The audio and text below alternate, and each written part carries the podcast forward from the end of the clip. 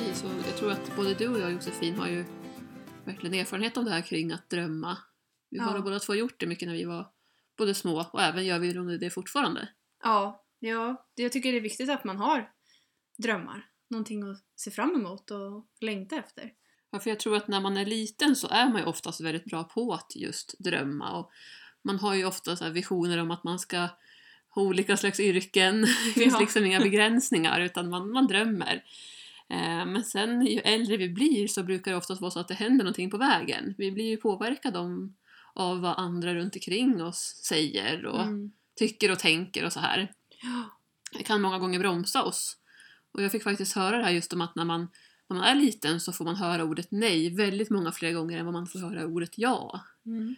Liksom, eller kom igen och testa, försök eller så här. Så är det oftast nej som man präglas väldigt mycket på. Och det tror jag ändå att det påverkar oss i tankarna om att just drömma och sätta mål och det här. Ja, att man blir lite hämmad och, och liksom blir lite mer försiktig för att man Ja. vill, inte riktigt misslyckas. Precis. Och det är ju så att man måste ju våga prova och misslyckas för att man sen ska kunna lyckas. Ja, Och på så sätt blir ju faktiskt misslyckandena en, en del av resan mot att eh, till slut lyckas med det man vill göra.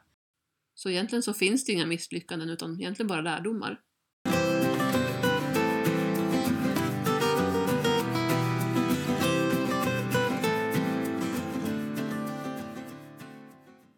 Hur har det varit för dig då Marie? Har du haft några drömmar här i livet? Ja, det har jag verkligen haft. Egentligen så var det så att om jag började från när jag var liten så drömde jag om att få en egen häst. Eh, och det var ju så att mina föräldrar var ju inte hästintresserade och så här, men vi bodde ju som sagt ute på landet Mm. nära hästar och jag såg dem varje dag, de här hästarna. Så att det började ju där när jag var liten. Och drömmen om att få en egen häst, och den blev ju faktiskt sann år 2000. Och då var jag 11 år. Eh, och första hästen då som mina föräldrar köpte, det var ett gotlandsruss. Och så köpte vi också en shetlandsponny då. Eh, och det var både jag och min syster som red, vi hade ju verkligen här ett brinnande intresse och mina föräldrar kände ju också ett ansvar i och med att vi skaffade häst och så här att, eh, att de också skulle lära sig. Så att det blev ett gemensamt intresse för hela familjen till slut, vilket var väldigt kul. Eh, och eh, eh, sen så bestämde vi oss sen för att vi skulle köpa en, våran drömras och det var ju då hafflingen. Mm. Och vi köpte Herman då som, som jag har än idag faktiskt. Han är 22 år idag. Men han köpte vi som fyraåring så att vi hade honom på inridning där någon månad och man kan ju tro att det kanske ska vara lite omöjligt för en 12-åring då att kunna rida in en, en haffling som liksom inte är så mycket riden men det var så vi började och mina föräldrar vi tränade mycket horsemanship och fick liksom en bra kommunikation med honom så att det Mm. gick hur bra som helst. Vad härligt också. Tack och lov. Ja.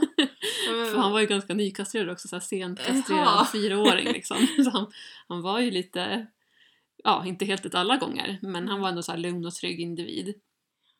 Eh, sen då efter det sen så skaffade vi tafflingersto och eh, min mamma blev ju väldigt intresserad även hon då liksom och gick verkligen in för det här. Så till slut så insåg vi att vi ville ju föda upp också, sen få ett föl på vårt sto som vi hade. Så då gjorde vi det också. Eh, Men sen så kom ju den här flytten när jag träffade min nuvarande man. Jag skulle flytta till, till Stockholm. Och då lämnade ju min familj och gården och så här och det var ju en liten sorg i sig. Mm. Att inte liksom få ha hästarna hemma på gården och kunna vara med hästarna. För det var, vi pratade alltså, det här var ju jag flyttade från en liten ort utanför Uppsala, eh, nio mil norr om Uppsala egentligen, till Stockholm. Så det var ju ganska många timmars som resa ifrån familjen. Det måste blivit en stor omställning för dig då. Det var det verkligen. Och jag var ändå bara 19 år gammal när jag flyttade hemifrån. Så jag bestämde mig faktiskt sen för att, att jag skulle flytta med Herman då, min hafflinge som jag har idag, till, eh, till stan. Men det var ju självklart också så här, kanske någonting som man inte man tänkte i första hand att man skulle göra, utan det var ju faktiskt också en dröm som växte sig att ja men det är klart att jag ska göra det. Jag liksom följde verkligen mitt hjärta. Det som jag kände att jag mådde bra av. Jag kände att häst, hästarna det är väl en, en så stor del av mitt liv så att jag vill inte vara utan dem. Och livet i stan var ju också en omställning från att flytta Mm. från en ort, en liten ort från landsbygden liksom. Ja, verkligen. Så, um, så, så var ju var den delen och sen så eh, så köpte vi också en shettis då som sällskap till hästen vi hade hemma, alltså vårat föl. Och han var ju då fem, fyra, fem år, vårat föl. det var ju en Mhm. häst. Eh, så att han var ju sällskap då. Och han har ju än idag våran shetlandsponny. Och eh, sen så ungefär, gick väl ungefär knappt ett år när jag bodde i Stockholm. Och jag blev uppsagd från mitt arbete. Och då var det ytterligare ändå en tråkig del som liksom hände i livet att jag hade inte möjlighet att ha honom kvar i och med det, när jag inte hade något jobb. Och jag började också plugga för jag kände att jag trivdes inte med det yrket jag hade då. Så att jag började plugga. Och då är det kostsamt att ha en häst. Så att han fick flytta hem igen till mina föräldrar. Och då hamnade jag i en liten depression på grund av avsaknaden av honom. Och eh, ytterligare i nästa resa där med angående att drömma så, så drömde jag om att kunna ha en egen gård Mm. som jag var uppvuxen med. Kunna ha hästarna hemma. Så jag och min man vi började leta hus helt enkelt. Och runt Stockholm är det ju inte helt gratis om man ska skaffa hästgård. Att, Det kostar en del. Ja, så att vi letade oss lite i utkanten och hittade då våran gård som vi bor på nu utanför Uppsala, i, utanför Knivsta. Och det här är alltså nio år sedan nu så att vi flyttade dit, tog vårt pick och pack från stan Mm. och så flyttade vi ut på landet. Och det är någonting som vi absolut inte ångrar, det är det bästa vi har gjort, vi Mm. trivs så bra. Men sen kom man ju till det här med att få vardagen att gå ihop. När vi flyttade ut på landet, min man hade pendling till jobbet. Eh, jag hade också en del pendling till mitt jobb som ekonom då, som jag jobbade med då, hade ju sadlat om till det. Och sen så började vi fundera på att skaffa familj och så här och, och fick ju barn och, och sen då hästarna också då. Eh, och det är inte helt lätt att få vardagen att gå ihop. Så jag var inte helt nöjd med min tillvaro och jag kände mig lite låst i jobbet och liksom få, få, få vardagen att funka. Så att då kom ytterligare en dröm och det var att jag skulle bli min egen chef och kunna få styra över min egen tid.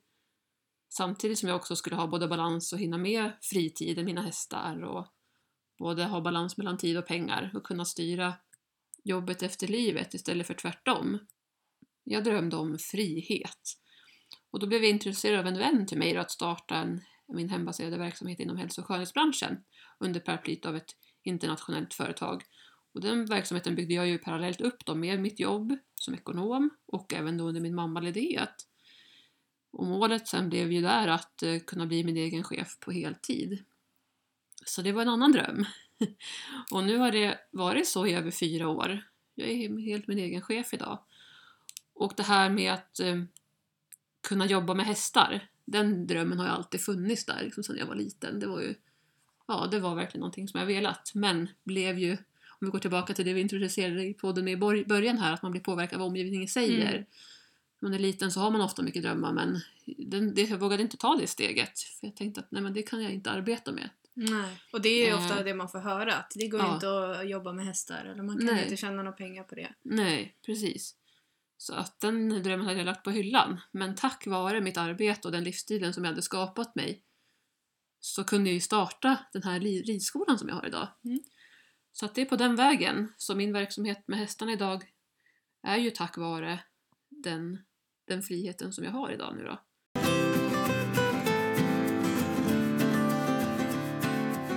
Har du haft några drömmar Josefin? Ja, när jag var liten så var jag ju helt hästtokig ända sen, alltså så långt jag kan minnas var jag helt galen i hästar. Det enda jag lekte och pratade om det var liksom hästar. Det var, Mm. Jag var i princip en häst nästan. Mina föräldrar de brukade säga att jag sprang inte, jag galopperade omkring.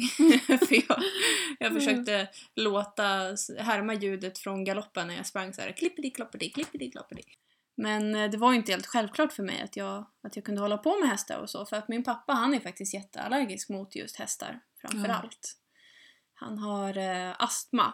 Så eh, när jag var liten så om jag hade varit i närheten av någon häst då var det jätteviktigt att jag bytte kläder och sådär innan jag träffade pappa och innan jag gick in i huset framför allt. Okej. Ja, så att inte han skulle bli allergisk och få en allergisk reaktion. Eh, och varken han eller min mamma var ju direkt hästvana. Alltså min Mm. mamma tyckte om att, att titta på trav på TV och sådär och tyckte att hästar var fina. Och det tyckte väl pappa också, men han kunde ju inte komma nära dem. Det måste vara jättesvårt. Ja, det var, det var liksom jobbigt att eh, hela tiden behöva anpassa sig. Att man inte riktigt kunde göra det som man verkligen älskade Mm. att vara med hästar. Men trots pappas allergi så ville i alla fall mina föräldrar att jag skulle få utlopp för den här drömmen som jag hade om att kunna rida och hålla på med hästar. Så eh, de lät mig åka och rida hos några kompisar som jag hade. Och eh, då, ja, det, det funkade faktiskt riktigt bra. Och jag drömde ju om att jag skulle ha en egen häst också och så småningom så blev det faktiskt möjlighet just genom de här kompisarna. För de hade en shetlandsponny med fång. Som inte rikt- han kunde inte riktigt gå med andra hästar för att då blev det så att han nästan hetsåt, att han, han åt för mycket. Mhm. Så att han behövde gå själv. Så vi fick hem honom på foder då men till slut så överlät de honom på oss helt och hållet. Mm. Så det blev min första häst när jag var sex år gammal. Och det pratade jag lite om i vårt första avsnitt som vi spelade in också. Mm. Och det var faktiskt så också att min pappa, han, eh, han kunde hantera sin allergi bättre och bättre ju mer han utsattes för att vara tillsammans med hästar. Mm. Och idag är det så att vi, vi har det här intresset tillsammans i hela familjen. Och min pappa han kan vara i stallet han kan hålla på med hästarna och han skor lite och sådär. Men eh, så länge vi inte håller på och bors- borstar dem när de är som lerigast Mm. så att han får massa stöv i, i luften, för det, det klarar han inte av. Men gud vad häftigt att han liksom har kommit över det där värsta allergin då. Ja, och det, det är väl samma där, att det har också varit en liten dröm för honom att Ja, kunna hålla på med hästar. Mm. Och nu kan han det. Så Mm. att, eh, trots att många läkare rekommenderade honom att bo där det är asfalt runt omkring och inga djur eller pollen eller någonting så, så bor vi här ute på landet och Mm. det funkar. Så det är också ett exempel på att man kanske ibland måste våga prova sig framåt. Och min resa med häst fortsatte ju framåt allt eftersom jag blev eh, längre och, och äldre och behövde ha en annan häst. Så jag fick så småningom börja på ridskola till att börja med. Och eh, sen när jag blev 12 år, då fick jag lov att köpa min nästa häst och det blev en eh, varmblodstravare som hade gått på travet men nu Mm. blivit ridhäst. Och ehm, ja, jag var ju som sagt 12 år och nästan 1,70 cm lång så jag var inte så himla kort i alla fall. Mm. Men han var ju ungefär lika hög i mankhöjd som jag var lång. Så det var ju mycket häst för 12-åriga mig att rida på. Mm. så det var lärorikt att, att få liksom jobba sig framåt med, med det man har. Eh, och vi, vi hade ju inte möjlighet att köpa någon dyr häst eller någon ponny eller sådär så att då fick det bli en varmblodstravare. Många varmblod har ju lite svårare för att galoppera än vad eh, många andra raser har. Så att vi, jag fick helt enkelt lära mig hur jag skulle göra för att lära honom att ta galoppfattningen istället för att börja trava väldigt snabbt till exempel. Så eh, i och med det så blev jag väldigt duktig på att rida med känsla och timing. Så det har jag verkligen honom att tacka för Ja. än idag. Och sen där eh, när jag var runt 13-14 år så hände det här traumat med stallbranden som jag har nämnt i tidigare avsnitt. Och då dog ju den här varmblodstravaren och även min shetlandsponny som jag hade. Eh, Och jag kände ju direkt att jag måste skaffa en ny häst för att jag kommer aldrig, det här traumat kommer att äta upp mig annars. Jag kommer aldrig att fortsätta med hästar. Det blir Mm. för tungt. Så jag behövde hitta ett sätt att bearbeta det här traumat och då blev det genom att köpa en, en annan häst som var en korsning mellan arab och travare. Och på den vägen har det liksom varit. Det har ja, flyttat hit lite hästar och sen några få enstaka har jag sålt för jag har väldigt svårt för att sälja hästar. De flesta stannar. Mm. Vilket har resulterat i att en häst har blivit till 11 hästar som jag har hemma nu. Eh, Men nu är faktiskt några av dem till salu ska jag säga. Mm. Så att jag har inte planer på att eh, alltid ha 11 hästar här hemma. Jag har alltid varit väldigt målmedveten som person och envis också. Det är två av mina bästa drivkrafter. Så när jag var ung och då var det ju så att man gick i skolan och så kom man hem. Eh, Då var det ju mörkt ute, i alla fall under höst och vinterperioden. Så ibland åt man middag innan och ibland så fick det bli middag efter man har varit ute och ridit. Det var bara pannlampa på och reflexer på Mm. och så ut och rida. Jag har alltid känt det här behovet av att jag vill träna mina hästar. Oavsett om vi har mål att tävla eller inte så vill jag liksom att hästen ska vara i bra skick och, och vara vältränad och sådär. Och det var faktiskt så att många av mina kompisar de, de slutade rida i nian eller början på gymnasiet och jag fortsatte. jag hade någon enstaka kompis som faktiskt några av dem rider fortfarande. Eh, vi, vi hängde i och vi, jag har faktiskt aldrig haft något uppehåll med hästar. Jag har aldrig tröttnat. Och det kanske är ganska unikt här, på Ja. 26 år. Det är det faktiskt. Ja. Men jag har aldrig känt att nej, nu vill jag inte längre. Jag, hästar är liksom en del av mitt liv. Ja, och det är samma här också. Och för att återkoppla till det som vi pratade om tidigare så, så var det så för mig också att man ofta fick höra att ja, ja, men du kanske kommer tröttna på hästar och eh, se till att du alltid har en, den hästen du har, att det alltid ska gå att sälja den, att den inte ska vara så knepig så att ingen vill köpa den ifall du tröttnar eller så. Men jag blev nästan lite irriterad på det där för jag, Mm. innerst inne så vet jag att, ja, Mm. du också, att Mm. hästar är en del av livet. Och det är så jag vill ha det. Oftast är det väl av väl, välmening att man säger det för att man är ju rädd om den som person som man säger det till. Ja, precis. Men det, det blir ju lätt sådär som vi pratade om, att man, man tolkar det lite som ett nej eller en negation. Det blir någonting negativt. Mm. Det är en negativt laddad mening. Mm. Och det påverkar ju oss. Mm. Eh, samtidigt så ty- tycker jag att jag har lärt mig att se det som ved på brasan. Jag visar istället att nej, jag ska faktiskt visa dem. Det här fixar jag. ja, Var du inte med? jo absolut. Det, det är mycket så mental träning och Ja. hitta sitt sätt framåt och bli mentalt stark. ja. Så medan många av mina kompisar då slutade att rida så blev jag istället väldigt intresserad av att träna dressyr. Och jag började träna för en privattränare, Pytt Hamberg, som är en superduktig tränare och fortfarande är verksam. Eh, och parallellt med det så, så kom jag också in på distansritt. Så jag var väldigt inne på att träna dressyr samtidigt som jag började bli mer och mer nyfiken på distansritt och så småningom provade det. Och på så sätt så blev det så att jag köpte en arab. Och då började jag satsa helt och hållet på distansritt. Även om dressyren alltid finns med mig så är det inte mitt huvudfokus. Och jag insåg ganska snabbt att jag var bra på distansritt också. Och på den vägen har det liksom burit framåt till landslagsnivå som jag satsar på idag. Och det ligger ju väldigt mycket jobb bakom och, och drivkraft såklart. Och jag började ju bygga upp min verksamhet som företagare 2015. Och min dröm har ju delvis varit just att bli hästföretagare och jobba med hästar. Och det är en dröm som har vuxit sig större med åren. För jag har inte, eh, när jag var ung så ville jag absolut inte jobba med hästar. Jag tänkte att nej men tränare och ledare och pedagog det är inte någonting för mig. Jag, jag var ganska blyg och osäker faktiskt när jag var yngre.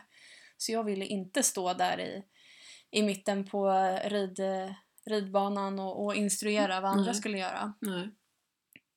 Men eh, i alla fall så kände jag att det här med satsa på distansritt, det var min grej. Och jag har aldrig haft möjlighet att köpa färdiga hästar. Så jag har satsat på att köpa många såna här problemhästar, eh, som många kallar dem för. Eller projekt som andra har givit upp eller inte orkat med. Eh, Och en del hästar har jag faktiskt till och med fått. Och, men generellt så, så har jag satsat på att köpa hästar för inte mer än 25 000 kronor. Och trots det, den snäva budgeten, så har jag lyckats ta mig framåt på ett väldigt bra sätt. Men det är just det här att, att det ligger mycket jobb bakom, att Mm. man måste vara målmedveten och envis. Mm. Eh, Det, det är inte bara att köpa hästen, sitta upp och sen åka iväg och tävla utan ofta finns det lite saker du behöver lösa med hästen innan du ens kan komma iväg kanske. Mm. Och för mig är själva resan tillsammans med hästen nästan det som jag uppskattar mest. Att eh, utvecklas tillsammans och rida in hästen tycker jag också är roligt och, och utbilda den också. Så att man känner att den här resan, det är vår. Det är inte bara någonting som, som jag fick självklart utan Mm. det, här, det här har jag jobbat för. Och då känns ju målet så mycket härligare att uppnå. Mm.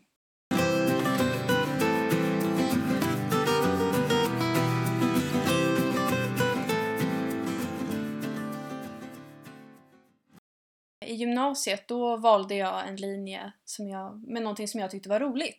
Jag valde media med författande och journalistik som många kan tycka att nej men, åh, det är så hård konkurrens inom den branschen och varför ska det gå en sån inriktning? Men jag kände att det här är någonting som jag brinner för just nu. Jag tycker om att skriva. Mm. Så jag valde att gå den linjen på gymnasiet. Eh, och direkt efter jag tagit studenten så fick jag faktiskt en, ett vikariat som lärare inom NO i årkurs eh, 4 till 7. Och det var ju ganska mastigt för mig som 19-åring att, Mm. att ro i land det. Men eh, där hade jag den här drivkraften och, och drömmen om att liksom utveckla mig själv och ta mig vidare. Så um, det var faktiskt därigenom också som jag hittade den här hälsopedagogutbildningen som jag har eh, gått. Och jag kände direkt att det här är också någonting som jag vill göra. Jag vill följa, följa min känsla av att det här, det här, det här ska bli en del av mitt liv. Och det är ju mina val som har tagit mig dit jag är idag. Ehm, och jag älskar verkligen att jobba som tränare, jobba med hästar, träffa människor. Och det, det är slitsamt, det är det. Speciellt när det är höst och vinter och det är mörkt ute och, och dagarna känns mycket kortare än vad de egentligen är. Det kan ju lätt bli så att en vecka innehåller mer än en. Det, när man håller på med hästar så kan man ju ja, jobba i 10-12 timmar per dag utan problem. Och man jobbar alla dagar i veckan, inte bara måndag till fredag. Det är ju en livsstil. Eh, och jag brukar alltid undra vad, vad andra människor gör på sin fritid. jag blir så rastlös om jag inte håller på med hästar. Det kan funka ett par dagar. Men sen tänker jag, men gud, vad gör man egentligen? Vad, vad mycket tid jag skulle ha om jag inte höll på med det här. Mm. Men jag tror också att det, det passar inte mig. Det här är min livsstil. Och, och även om det är hög arbetsbelastning och, och mycket att göra så, så ger ju hästarna så himla mycket stresshantering och man får så mycket tillbaka. Ja, verkligen. Det är som balsam för själen ju. Och jag tänker att drömmar kan vara så himla olika saker beroende på vem man frågar. Jag har ju en del kunder då som har varit ridrädda till exempel och kanske varit med om olyckor. Och många som kommer till mig eh, och pratar, de säger liksom att nej men, ja jo jag älskade att rida förut men sen så var jag med om den här olyckan och nu känner jag att nej men det är ingenting för mig. Mm. Och då blir jag sådär att nej men vadå? Det är klart det är. Har du en gång känt den här kärleken till hästar så kan du ju känna det igen. Mm. Eh, Och det är på något sätt som att de nästan har släppt sin dröm för de, de har inte modet att följa drömmen. Eh, Men då, då finns jag och andra inom mental träning till exempel där och kan hjälpa, hjälpa till Mm. för att få tillbaka drömmen och uppnå den. Och det är så himla härligt att se den här resan som många människor kan göra. Mm. Just eh, när man ger dem verktygen. Så jag vill uppmana alla där ute att oavsett hur små eller stora drömmar ni har så våga följa dem. Mm. Våga se vad, vad händer om jag öppnar den här dörren? Vad finns där bakom? Precis, för det är ju valmöjligheterna som vi, det vi väljer i våra liv som, som tar oss dit vi, dit vi hamnar liksom. Ja, och det, man måste våga och, och misslyckas ibland som vi sa Mm. tidigare. Det, allt är inte perfekt på en gång utan vi måste liksom staka ut vägen och den är inte spikrak. Nej. Men det är också av den anledningen som man känner att målet är desto härligare att uppnå när man väl kommer dit.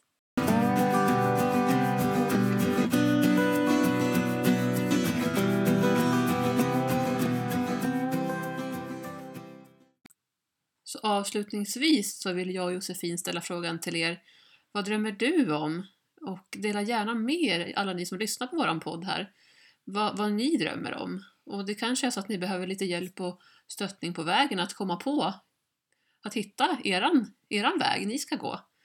Så hör gärna av er till oss och dela med er av era erfarenheter kanske också, och vad ni vill. Mm. Det vore jätteroligt. Och som Walt Disney en gång sa, alla våra drömmar kan uppfyllas om vi har modet att följa dem.